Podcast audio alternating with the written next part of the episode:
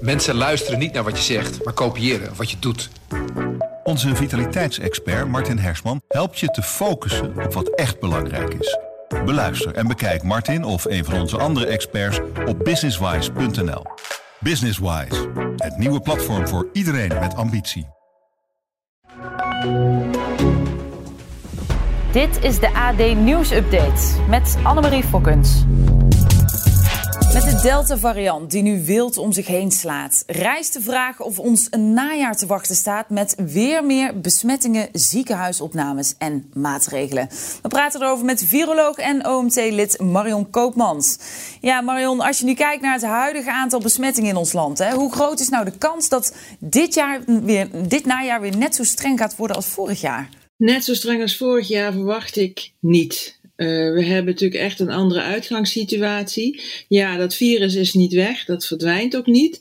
Maar we hebben uh, heel veel mensen die dan gevaccineerd zijn. Dus dat betekent dat de impact op de samenleving echt kleiner zal zijn. Er zijn uh, die vaccins die beschermen tegen ernstige ziekten, ook als dat veroorzaakt wordt door Delta-virus. Wat we wel verwachten is dat je toch in het najaar richting de winter wel weer echt een piek gaat zien. um, en of we dat dan helemaal redden zonder maatregelen, dat is wel een vraag. Ja, want welke maatregelen denk jij dat er nog voorlopig in stand zullen blijven? Dat, dat gaan we de komende weken en maanden echt stap moeten bekijken. Uh, in ieder geval een aantal van die basismaatregelen, zoals ze nu nog steeds ook gelden: hè, afstand meer buiten doen dan binnen. Uh, als het echt heel druk is, uh, mondmaskers, dat soort dingen. Uh, dat, dat, blijft een soort basispakket wat weer tevoorschijn gehaald zal worden als de cijfers oplopen en als dat ook tot zorgbelasting leidt. -hmm. Want je geeft inderdaad aan hè, dat het waarschijnlijk dus niet meer zo zou pieken als vorig jaar. We hebben natuurlijk ook in het najaar zo'n beetje 85% van de volwassenen volledig gevaccineerd. Kunnen we dus eigenlijk dan wel zeggen dat het grootste gevaar is geweken? Ja, dat, dat, dat eigenlijk wel. Tenminste, zeker als je het vergelijkt met uh, vorig jaar. Uh, maar de andere kant is dat we wel uh, ook nog een aantal dingen zullen moeten afwachten. Namelijk bijvoorbeeld hoe lang blijft die bescherming uh, zo hoog. Hè? Die vaccins die werken over het algemeen erg goed. -hmm. Maar hoe lang blijft dat zo? Moet je misschien extra nog een extra prik hebben? Moet dat misschien bij de oudste leeftijdsgroepen of bij de kwetsbaarste uh, groepen? Uh, dat soort zaken wordt allemaal goed in de gaten gehouden, wordt ook onderzocht. Um, en dat gaan we in de komende uh, uh, maanden uh, zien. En dan kan het dus zijn dat er nog weer wat stappen nodig zijn. Ja, want kun je ook zien dat er in bepaalde groepen zeg maar, of gebieden juist een opleving is van het aantal besmettingen, omdat die mensen zich niet willen laten vaccineren? Nou, dat kan. Kijk, die, die, dat vaccineren gebeurt om twee redenen. En de eerste is het beschermen tegen ernstige ziekten. Het tweede, en dat is, een, uh, dat is bijvangst eigenlijk, maar helpt, uh, is dat het de bescherming, de, bes, de bes, doorbesmetten wat remt. -hmm. Dat gebeurt minder voor Delta dan voor de, voor de voorgaande virussen. maar dan hangt het er dus vanaf hoe groot de groep is die niet gevaccineerd zijn ook, of dat ergens bij elkaar zit. Dus als je hebt gemeentes waar relatief veel mensen zeg maar bezwaar hebben tegen vaccinatie. we zien dat ook wat in de binnensteden. Dus het kan dan zijn dat je dan op zo'n plek echt ook een uitbraak krijgt en, en flink wat zieke mensen. Ja. Denk je dan dat het nog zover kan komen dat er ook nog een verschil wordt gemaakt in maatregelen, zeg maar, tussen de mensen die wel gevaccineerd zijn en de mensen die niet gevaccineerd zijn? Ja, we zien dat in het buitenland, hè. Dat, uh, en dat leidt ook wel tot stevige discussie. In ja. Nederland is daar tot nu toe niet over uh, gesproken en is gezegd van bijvoorbeeld met uh, de, de, de reizen of de toegang, je kunt of een vaccinatiebewijs hebben, of een bewijs dat je infectie hebt gehad, of een bewijs dat je negatief getest bent.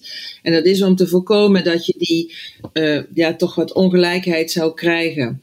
Um, het, uh, wat we in het buitenland zien is dat uh, ondernemers dat, daar ook op aandringen. Hè? Bijvoorbeeld voor toegang tot bepaalde gelegenheden.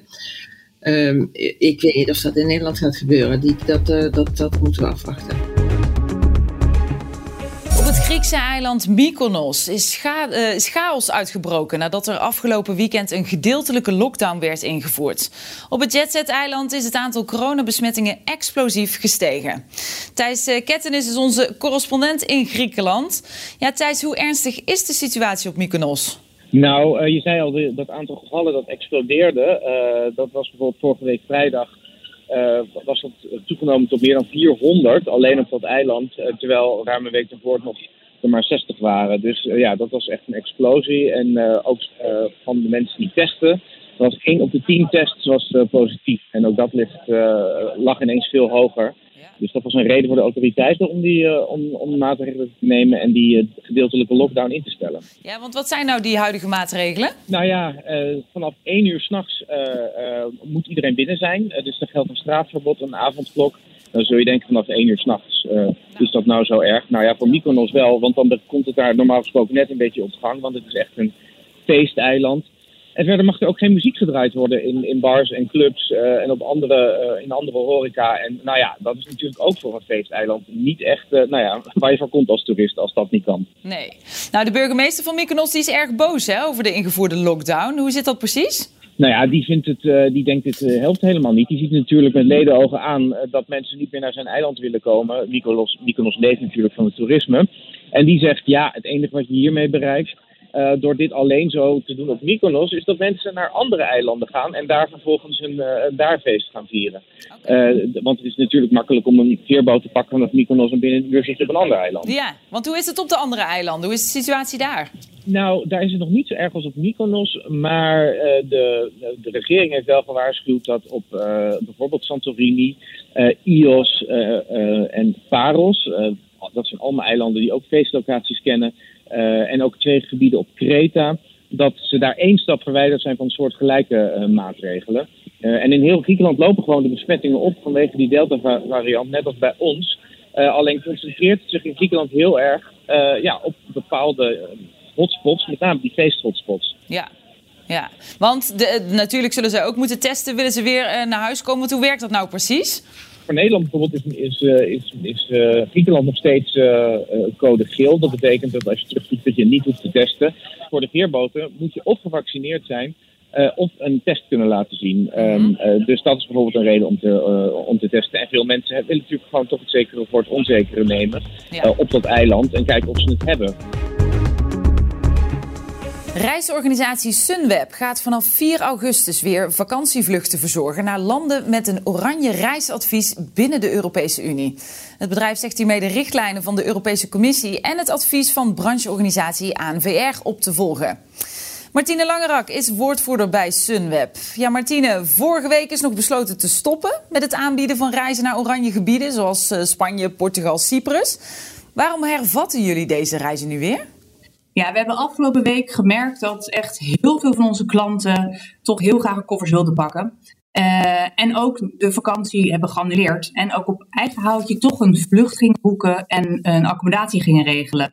Dus wij konden het eigenlijk ook niet meer echt uitleggen aan onze klanten, omdat andere partijen dat ook doen, waarom we het niet meer zouden doen. Dus daarom hebben wij besloten om een ander beleid te gaan volgen en vanaf 4 augustus weer vluchten en vakanties te gaan aanbieden naar de oranje bestemmingen. Oké, dus het beleid is aangepast. Jullie zeggen dus ook hiermee de richtlijnen van de Europese Commissie en de ANVR op te volgen. Wat zijn die richtlijnen dan precies? Nou, de Europese Unie die roept natuurlijk al, al maanden op om um, zeg maar het coronapaspoort, die richtlijnen te gaan volgen. Nou, sinds 1 juli is die geïmplementeerd. Het is, is er. Uh, en dat zien we ook natuurlijk in de landen om ons heen. Denk aan België, denk aan Denemarken. Daar is Sunweb ook actief. En daar wordt vooral gekeken naar wat je moet doen om terug te keren naar het land. Dus een heel makkelijk voorbeeld. Spanje is nu, uh, heeft code oranje. Stel je zit in Gran Canaria, dan moet je nu een sneltest doen voordat je weer terug kan keren met vliegtuig naar Nederland. Kijk, is die sneltest positief, dan moet je natuurlijk in quarantaine. Uh, is die negatief, dan mag je aan boord en mag je naar Nederland terug. Oké, dus dat is belangrijk om in acht te nemen, inderdaad. Ja, het kabinet adviseert Nederlanders alleen naar die oranje gebieden af te reizen als het echt noodzakelijk is. Waarom volgen jullie dan niet dat advies op? Ja, we hebben ons 18 maanden heel netjes en heel braaf aan het eh, beleid gehouden van de regering. Uh, alleen we zien om ons heen dat er ook wel wat twijfel ontstaat over dat beleid. Denk aan de motie in de Tweede Kamer die is aangenomen om te kijken naar de ziekenhuisopnames in plaats van het aantal besmettingen. Uh, dus we hebben gekeken naar van hoe kunnen wij onze klanten toch die mooie vakantie en die welverdiende vakantie bieden. En daarom hebben we besloten om het beleid aan te passen en de Europese richtlijnen te gaan volgen. Ja, en daarmee dus ook jullie business weer te laten draaien, om het zo te zeggen. Ook dat, ja. Als laatste dan, zijn die vakantiegangers die naar dat oranje gebied gaan, zijn die eigenlijk wel verzekerd dan tegen de risico's van COVID? Uh, de risico's, de medische risico's, stel je belandt in het ziekenhuis op intensive care, die zijn niet verzekerd. Uh, in ieder geval niet bij de verzekering die je via Sunweb kan afsluiten. Je bent uh, wel verzekerd voor alle niet-COVID gerelateerde hulpkosten. Locatie. Helemaal helder. Mocht je positief testen, dan moet je daar op eigen dan risico zorgen blijven. wij wel voor dat je. Ja, er blijft een risico, maar dan zorgen we wel voor dat je veilig naar huis komt. En alle kosten worden dan wel door Sunnet betaald voor de quarantaine en het langer verblijf.